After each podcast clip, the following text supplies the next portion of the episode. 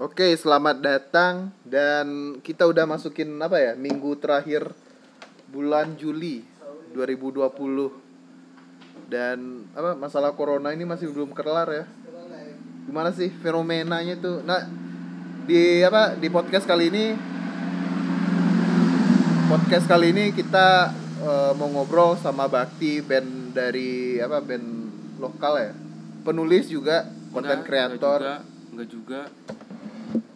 Tegang kali kau back konten kreator musisi ya, penulis lengkap lah pujangga. Enggak enggak juga. Semuanya gagal kok. Wah. Skripsi gimana back baru masuk. Baru masuk. Ini menariknya sama Bakti ini walaupun dia itu apa ya jurusannya ilmu politik tapi jarang main politik. Lebih sering berfilsafat ria dengan pikirannya sendiri. Ini terakhir lagi baca apa Bek? Nggak baca apa apa juga paling apa ya? Newman Newman tuh Newman Saul Newman eh bahasa apaan tuh emangnya? Saul Saul Newman. Newman itu eh, dia bahas ya politik politik juga filsafat filsafat politik kayak gitulah semacam itu Oke. Gua kalau nggak salah terakhir ngobrol sama Bakti itu bicarain soal apa ya? Soal Laila Majnun.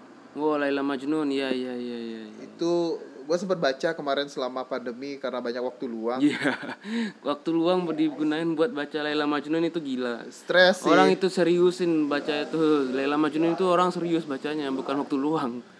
nggak tahu sih kalau gua mikirnya kayak itu cuma apa cerita cinta antara si Laila sama si Kois kayak apa ya Orang baca Laila Majnun itu ya udah kayak rutinin baca Quran gitu.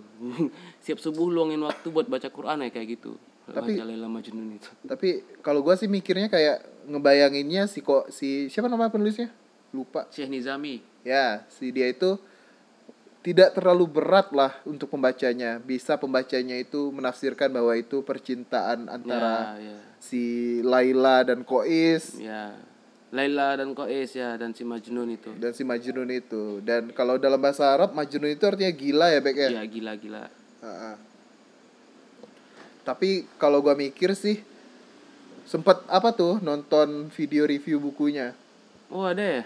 Enggak, itu yang filsafat yang ngaji filsafat itu loh. Oh yang ngaji filsafat ya. ya. Ah, dia itu ngebayangin menggambarkan tinggi lah pokoknya nggak nyampe sama kita.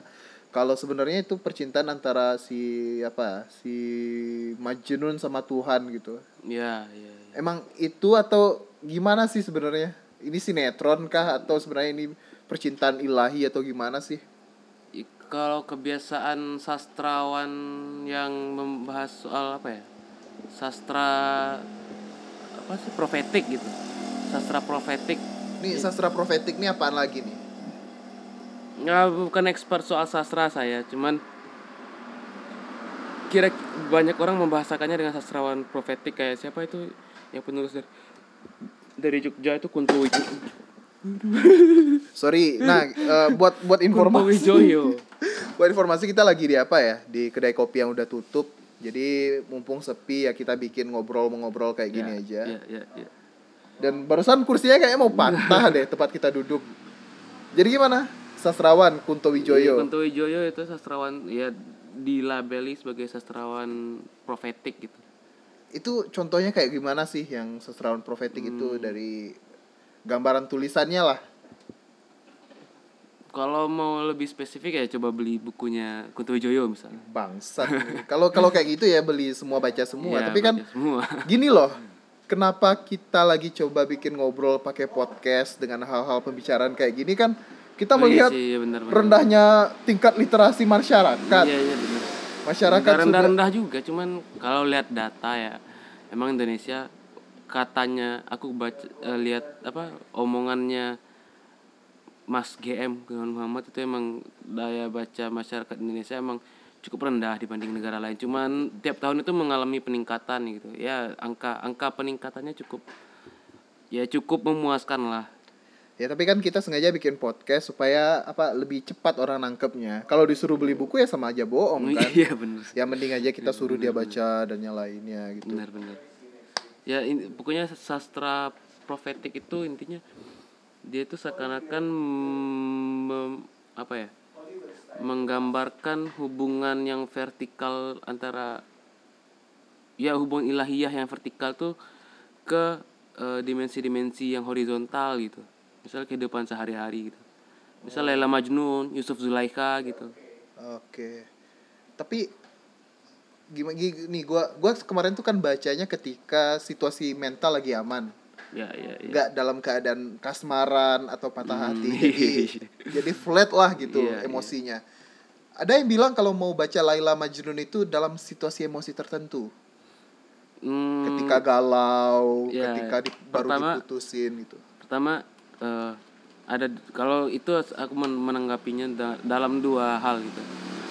Pertama kalau mau menikmati eh, Laila Majnun sebagai kisah cinta biasa oke it's okay gitu nggak ada masalah. Dan kalau misalnya momen tertentu mempengaruhi ya mungkin gitu ya. So, contohnya ada orang yang ketika dalam kondisi apa ya yang dalam kondisi hollow hampa gitu. Nggak tahu mau ngapain udah stuck. Tiba-tiba dia baca misalnya si itu. Firsa Besari. Bukan bukan Firsa. Firsa masih mending. Ah. Si eh siapa sih namanya yang manuskrip di kota Arka itu? Alkemi Alkemi siapa? oh Al- eh, Paulo Coelho. Coelho. Paulo Coelho. Coelho. ya gitulah. Ah. kalau dia baca manuskrip di kota Arka makin putus asa men makin putus asa orang bacanya. Gue gue belum pernah baca buku yang kayak kayak gituan sih karena mikirnya kayak gue baca buat bener-bener nikmatin cerita bukan Hmm. buat mikir lagi gitu loh. Ya. Nggak nggak bukan lagi buat kalau kalau emang pengen keindahan bahasa itu ya Laila Majnun ya cocok lah. Laila Majnun.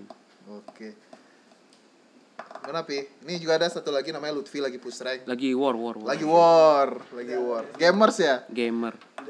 Gambaran gambaran da- alter ego is demon. Iya alter ego is demon. Tapi kayaknya semua manusia itu punya alter egonya masing-masing. Enggak dia bahas nama nama Oh, nama itu, akun. akunnya itu Tapi bahas Alter soal ego alter gitu. ego ini ini menarik nih, ini menarik. Karena eh, dalam novel Laila Majnun si Kois itu kan digambarkan sebagai orang yang memiliki standar keluarga yang tinggi, Bangsawan, bangsawan. bangsawan. Tapi akhirnya dia itu terjebak dengan di- dinamika cinta yang membuat dia itu gila dan mau berkorban apa saja buat si Laila. Jadi kalau mau mem- me- mm, mengartikan cinta dalam kesufian itu ya seperti Kois mencintai Laila gitu. nggak peduli apa-apa lagi, semua udah ditelanjangin dirinya buat cinta gitu loh, buat Laila itu. Bahkan ada itu di, di sisi tertentu si Kois itu kan menjaga jarak dengan Laila, padahal kan Kois bisa bertemu dan me- menyentuh Laila gitu. Cuman Kois nggak melakukan itu karena dia menjaga jarak agar cintanya terawat gitu. Tapi kayaknya sekarang itu kita nggak bakal ketemu lagi deh sama hal-hal seperti itu. Karena kayak kita punya keegoisan. Kayak orang udah bikin antitesis dari kata-kata aku mencintai tidak harus memiliki. Gua manusia, gua harus memiliki orang tersebut karena gua harus memastikan dia itu bahagia gitu. Hmm. Kan ada akhirnya ada muncul antitesis-antitesis seperti itu. Kalau kit kalau Cenizami itu seorang sufi gitu. Hmm. Dia nggak lagi bahas eh, secara harfiah tentang wanita gitu. Jadi cinta itu bukan harfiah tentang aku mencintai seorang perempuan gitu loh, yang digambarkan di Shenizami itu. Tapi su- kalau diartikan secara vertikal gitu, ya itu cara cara mencintai seorang hamba mencintai Tuhan gitu loh. Dengan dengan kegilaannya si Dengan gila. Ini Iya, ya. iya. Tapi kalau misal kita lihat beberapa sufi, eh, anggaplah ah, ah, ada sufi-sufi gila gitu. Beberapa ulama memang eh, membenarkan kesufian beberapa orang gila gitu. Syekh-syekh gila gitu. Ini kegilaannya dalam hal seperti apa sih? Eh harfiah, se- tapi Secara gila, harfiah? gila, gila, dan itu dianggap sebagai wali gitu. Nah, Emang ada gitu. Sam- Sampai-sampai dia gila pun yang dia bahas itu selalu Tuhan kayak gitu loh. Kerinduannya sama Tuhan, takdir Tuhan, eh semacam itu pemahaman so- soal Tuhan gitu loh. sebenarnya sih pembahasan ini cukup berat ya. Enggak juga. Nah, ya kalau buat bakti yang biasa eh, mengunyah eh, atau dengan pikirannya sendiri itu punya dunia sendiri tapi buat contohnya Lutfi main Mobile Legend atau PW enggak dia dia punya dunia sendiri. Punya ayah setiap orang punya du- dunia sendiri. Tapi kalau bahasan yang kayak gini kan gimana ya? Agak lebih sulit agak lebih le- berat rasanya buat ngebahasnya. Dan ini bukan sesuatu yang renyah orang-orang tuh lebih suka cinta sederhana seperti ADC ya mm, atau sebenarnya kalau bahasan-bahasan sufi itu kan kalau dulu ya etikanya itu. Orang itu nggak boleh membahas dim- dimensi kesufian itu di tengah umum gitu. Dia harus punya ruang tersendiri buat eh, dibicarakan dan karena bagi beberapa orang eh, keilmuan keilahian itu dalam tingkat level tertentu itu nggak bisa dibicarakan secara gamblang gitu karena nggak semua orang bisa menerima.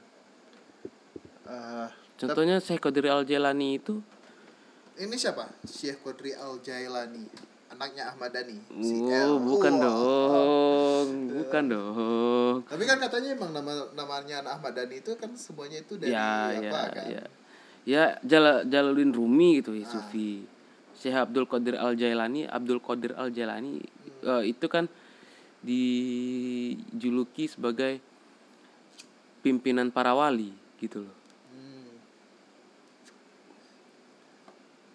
Tapi gini, eh, agak bergeser dari kita bahas soal cinta-cintaannya siapa si Laila Majnun. Laila Majnun. Digambarkan kalau di novel Laila Majnun di cerita Laila Majnun itu bahwa cinta bukan sesuatu yang tabu dalam eh, konteks agama gitu loh. ya benar Benar. Tapi kenapa sekarang orang gampang sekali bilang pacaran haram, pacaran masuk neraka? Kenapa mencintai adalah suatu dosa buat sama zaman sekarang? Dan jawaban itu akhirnya adalah pernikahan yang membuat banyak nikah muda. Hmm. Berpotensi itu perceraian dan yang lainnya. Nah, kalau itu sepertinya beda itu ya. Iya, ngomong. Beda beda di beda apa? Beda paradigma lah gitu. Hmm, Perbedaan paradigma di antara orang-orang yang melarang pacaran apa segala macam. Sebenarnya eh, ya secara fikih gitu ya, secara fikih mungkin menyentuh wanita ya secara teknisnya lah gitu. hmm. Menyentuh wanita, eh, mengundang syahwat gitu ya. Itu emang emang ya bukan kan latak zina bukan jangan lakukan zina gitu Tapi jauhi jauhi zina gitu. Bukan melakukan zina gitu. Mungkin ya. kita agak punya perbedaan pandangan sih untuk kalau konteks ini gitu. Mm, ya maksudnya gini. Secara teknis ya itu memang eh, secara fikih sebaiknya dijauhi gitu. Cuman untuk urusan cinta kenapa Tuhan membangun sesuatu yang megah dalam diri manusia gitu? Cinta gitu cinta nggak pernah dilarang lah dalam Islam cuman oke, harus dibedakan ada permasalahan dalam bahasa gitu ada Ah, permasalahan ini, dalam ini bahasa menarik, ini menarik. ini serius menarik. Nah, jadi dalam apa ya dalam dunia kesufian itu ada ranah-ranah yang nggak ada bahasa gitu. Ini dalam level tertentu ya, dalam level tertentu ranah kesufian itu pengetahuan itu nggak disampaikan dalam bahasa gitu. Pengetahuan itu disampaikan dalam diam dan tiba-tiba ada seperti ilham tanpa bahasa. Ya, nggak ngerti kan ya? Susah kan ngertinya ya? Ya nggak nyampe. Ya, Diam. ta- tapi tapi Pengetahuan datang dari diam. dari diam gitu. Ya, kenapa diam itu penting gitu? Siddhartha Gautama itu berdiam diri ketika menjadi eh, mendapatkan Buddha. wahyunya, menjadi budanya Buddha. gitu. Ah, Nabi Muhammad itu berdiam diri di Gua Hira mendapatkan wahyu untuk pertama. mendapatkan wahyu pertama. Soal diam, masih soal diam. Ya. Siapa lagi? Descartes, Rene Descartes Ah, memikirkan sesuatu yang menggemparkan ketika itu bahkan sampai hari ini masih dibahas-bahas oleh eh, orang-orang yang katanya intelektual gitu mendapatkan sesuatu itu ketika berdiam diri gitu jadi di- diam itu diam itu jadi satu bahasa satu bahasa satu dunia yang nggak ada batasnya gitu loh. Kalau kita sekarang dalam dunia bahasa ketika berpikir ada bahasa itu kita seperti dibatasi ini batasi itu gitu loh. Tapi ketika dia berada di luar bahasa nah di situ dunia tanpa simbol itu loh gitu. Jadi nggak ada batasan simbol nggak ada apa gitu. Sumpah gue gak ngerti sama penjelasan Bakti, tapi sebenarnya keren. ya Sepertinya iya keren. Eh, Sebenarnya kayak gini, gua, Gunawan gua Muhammad pernah bahas ini dalam catatan pinggir yang keberapa gitu. Catatan pinggir 11 apa 13 antara itulah. Antara 11 apa 13 beberapa ya, beberapa esai Gunawan Muhammad so- bahas soal eh, bahasa gitu. Ya kira-kira kayak gitulah. Ah nih, gua ada, ada pertanyaan yang selama ini selalu eh, jadi kayak pemikiran. Ketika pacaran, gua selalu nggak pernah pakai kata cinta. Mhm. nggak pernah pakai kata cinta karena cinta is bullshit. Tapi ada perasaan yang lebih sentimental namanya sayang. Mhm. namanya sayang. Cinta itu cuma eh, bahasa yang digunakan oleh orang yang baru jatuh cinta, terus cinta eh, perasaan itu menggebu-gebu loh. Dia mikir ini lebih dari sayang. Akhirnya ditemukan cinta. Kita bandingin sama bahasa Inggris. Bahasa Inggris sayang sama cinta love cuma love. Bedanya itu di bawahnya itu like, suka. Nah, kalau adore gitu adore palingan yang eh, mengapa eh, meningkatkan eh, kelas bahasa kita nggak ngerti bahasa ya Hmm. cuma sok tahu doang iya iya iya new disclaimer kita Hmm. cuma sok tahu doang ya ngalor ngidul lah kalau ngidul bahasa apa nih bahasa Jepang Hmm. bahasa Jepang di bahasa Jepang itu buat Aishite- pasangan si- pasa, Aishiteru, Aishiteru ah. itu buat yang emang suami istri Mhm. tapi kalau eh, yang baru pacaran dia itu kayak cuma daisuki des cuma Hmm. suka Mhm. Daisuki eh, galak pi. Serius kok. Sebagai wibu ya. tahu. iya iya iya iya nah jadi kayak Wo ini di Cina. Wah ini yang di Cina. Gua nggak ya Chinese. Wah ini tapi nggak tahu sih ada padanan kata yang di bawah itu atau enggak ada ada. Ada ya? Beda konteks ini sama ada ada bedanya. Nah itu penasaran sih kenapa orang timur itu lebih eh sangat gimana ya? Meng, me- mengelu-elukan perasaan sampai menemukan kelas bahasa yang berbeda. Sedangkan orang barat dia itu cuma pakai satu bahasa untuk menggambarkan perasaan sayang atau cinta. Ini eh, pertama harus hati-hati juga sih. Eh, jangan-jangan cuman kitanya aja yang membedakan hierarki cinta dan sayang gitu. Jangan-jangan. Kita kan belum tahu gitu. Iya jangan-jangan. Hmm. Mungkin ya mungkin cuman kita aja yang yang eh, menggunakan hierarki seperti itu. Beberapa orang mungkin enggak gitu. Tapi cinta itu magic kata-kata cukup magic gitu loh. Bisa dipakai buat nipu gitu. Buat bisa bikin eh, orang cewek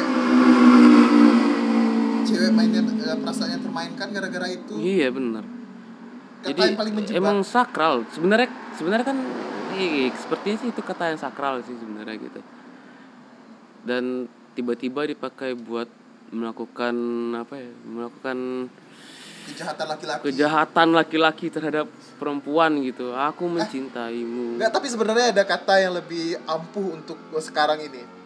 Aku janji nikahin kamu. Serius. Banyak perempuan terjebak sama kata-kata itu sekarang.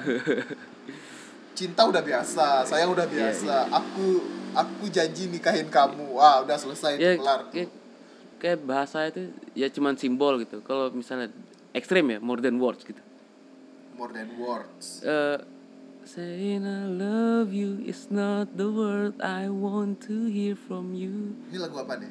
Buat rekomendasi adik-adik nih. Iya. nggak nggak Buat rekomendasi adik-adik. ya pokoknya eh kita kan menggunakan bahasa itu untuk simbol-simbol gitu loh. Untuk simbol-simbol merangkum eh, satu konsep gitu satu ya katakanlah konsep gitu. Lalu kita katakan itu cinta gitu. Sebenarnya di ranah mana ranah mananya cinta itu ya menurutku ya menurutku. Itu dia ada di segala ranahnya gitu. Termasuk dalam eh, pikiran prabahasa manusia itu ten, di eh, ranah bahasa dan dan di ranah prak gitu loh menurutku gitu Hmm, jadi kayak gitu ya. ya Perkembangan bahasa dari ilmu kesotoyan kita. Iya, jam, iya. Jam 2 pagi. emang Soalnya udah jamnya sih udah udah jamnya ya mikir kayak gini dari jam 6 sore sampai jam 11 Jam-jam overthinking. Oh, ah, ya, Iya, jam overthinking. jam-jam overthinking. Anak-anak Twitter jam-jam overthinking. Eh, tapi kenapa jam jam-jam segini jam 2, jam 3? Nah, itu Kalau masih misterinya. kebangun kita Iya, overthinking. dalam dalam Islam juga kan dua per tiga malam itu sakral gitu. Iya, kita disuruh di- disuruh berdoa gitu. Ya berkomunikasi dengan Tuhan itu jam segini itu begitu intens gitu loh. Begitu sakral gitu. Ya sakralnya itu seakan-akan ya seperti dalam novel Laila Majnun gitu loh. Si Laila dan Majnun ada dalam satu mahligai gitu. Ada anggur ya bayangin aja. Dalam Islam bahas komor itu anggur gitu. Dan Tabu dong gitu. tabu kenapa Nah, dimasukin tapi di dalam dalam ranah sufi itu punya makna yang berbeda gitu. Ah, Oke. Kalau misalnya yang dengerin adalah apa ini haram ini haram. Oh enggak lah enggak sampai se ekstrim itulah. Iya kan kalau kalau yang kayak sekarang nih yang cuma Ya, ya. mengenal Islam dari Instagram. Kayak kayak siapa? Kayak siapa? Kayak siapa? Jangan sebut nama. Kayak siapa itu? Oh, jangan jangan. Jangan sebut nama. Nggak boleh kalau menebar kalau kita menebar cinta itu ya Jangan nggak usah main-main ikuti kayak dengan gitu kebencian. Karena jahit. Iya iya. Terus Warsnya lebih. Udah siap. Udah, udah siap. Udah berapa menit sih? Kita ngalor ngidul aja dari tadi, tapi lumayan sih. Dapat dapat ilmu baru loh. Ini yang paling menarik itu ya ilmu coli tadi. Bisa dipraktekkan. Malam ini juga bisa dipraktekkan. Kalau buat yang penasaran apakah itu works atau enggak, bisa lah. Bisa. ya coba aja coba aja. Coba aja. Nah, eh, balik lagi ke permasalahan eh, overthinking. Ah, overthinking. overthinking jam jam segini rata-rata kan kalau anak muda sekarang overthinkingnya mikirin mantan gebetan yang nggak balas chat wa Nah itu aneh tuh. Kenapa itu aneh. Kadang orang eh yang apa ya sakit hati karena ditinggalin mantan itu kadang bukan karena cintanya loh tapi itu itu aku merasa ada masalah politis di dalam itu gitu nah gimana nih masalah politis? Kalau aku mikirnya selama ini kalau gue mikirnya selama ini kalau yang ada itu masalah apa Eh, sesuatu yang sudah diberikan dan tidak bisa dikembalikan Ya kadang ada yang ada yang merasa terhina gitu loh. Ada yang merasa terhina untuk di dikhianati gitu. Ada yang kayak gitu kan. Misal Itu diselingkuhi misalnya. berhubungan gak sih sama ego superego dorongan sampai mungkin sampai ya mungkin perasaan kayak gitu kan mung- mungkin begitu mungkin begitu bagaimana bapak psikoanalisa Oh nggak ada orang yang iya. kan kadang psikoanalisanya. kalau cinta itu memberikan keikhlasan gitu loh. Ah. Ketika dia ditinggalkan untuk kebahagiaan wanita itu ya harusnya nggak sakit hati lagi dong gitu. Ini berat sih karena iya kan? Kalau Enggak. masih sakit hati berarti ada ada sesuatu yang menyakitkan gitu loh. Misalnya nih kita kita lagi berdua nih. Ya misalnya terus eh, salah satu dari kita bilang pulang dulu ya udah ngantuk ya udah selesai dong. Selesai. Ta- tapi bakalan beda kisah kalau misalnya wah mau pulang nih. Terus gores tangan tangan salah satu dari kita set gores luka tuh. Ah. Pulang ngantuk. Ya. Ah, ninggalin sakit kan gitu. Oke.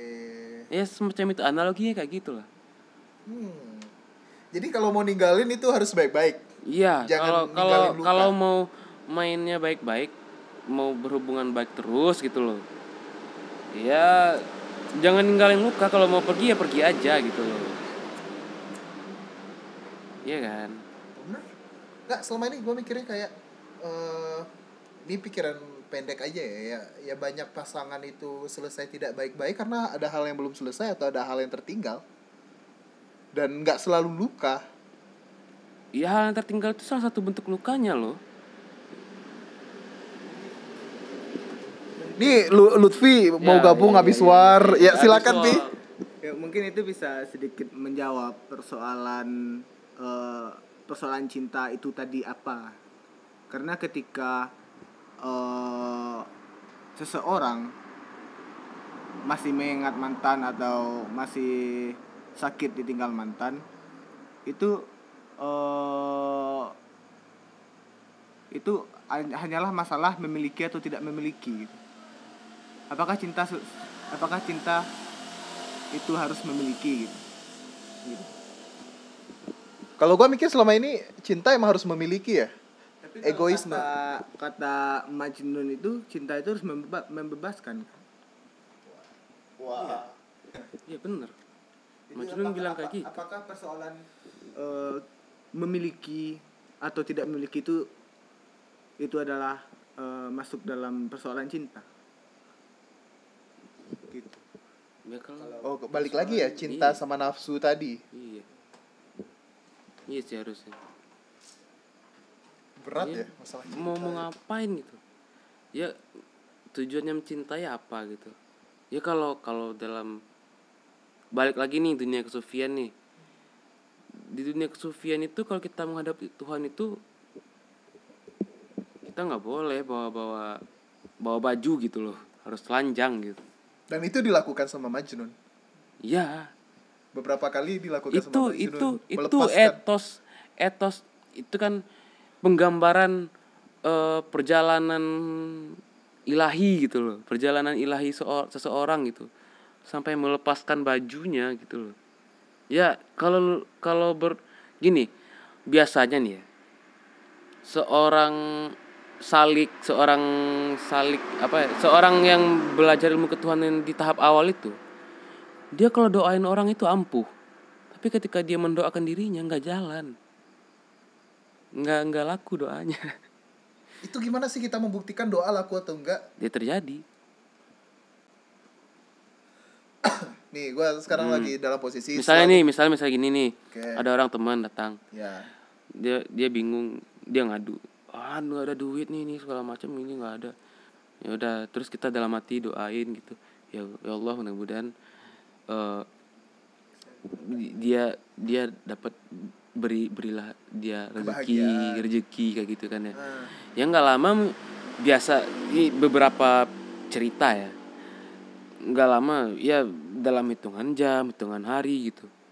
Orang itu punya duit gitu buat buat eh, apa yang dia butuhin gitu tapi giliran eh, si orangnya kesusahan nggak ada duit Tuhan diam gue coba coba meletakkan diri pada orang yang skeptis. bukan diam sih bukan diam Nggak, coba gua letakin diri sebagai orang yang skeptis. Hmm. Ya jangan jangan-jangan emang waktunya itu waktunya dapat uang dan Ya, kebetulan ya. momennya eh, Ya. dapat gitu. ya ini kan kalau soal takdir nah itu kan di ranah yang berbeda lah Rahasia. gitu ya.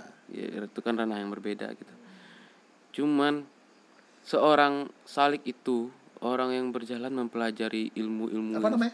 salik Salik. salik orang yang belajar itu nah seorang salik itu dia akan ditempa gitu loh sampai dia benar-benar bisa melepaskan baju duniawi itu loh gitu.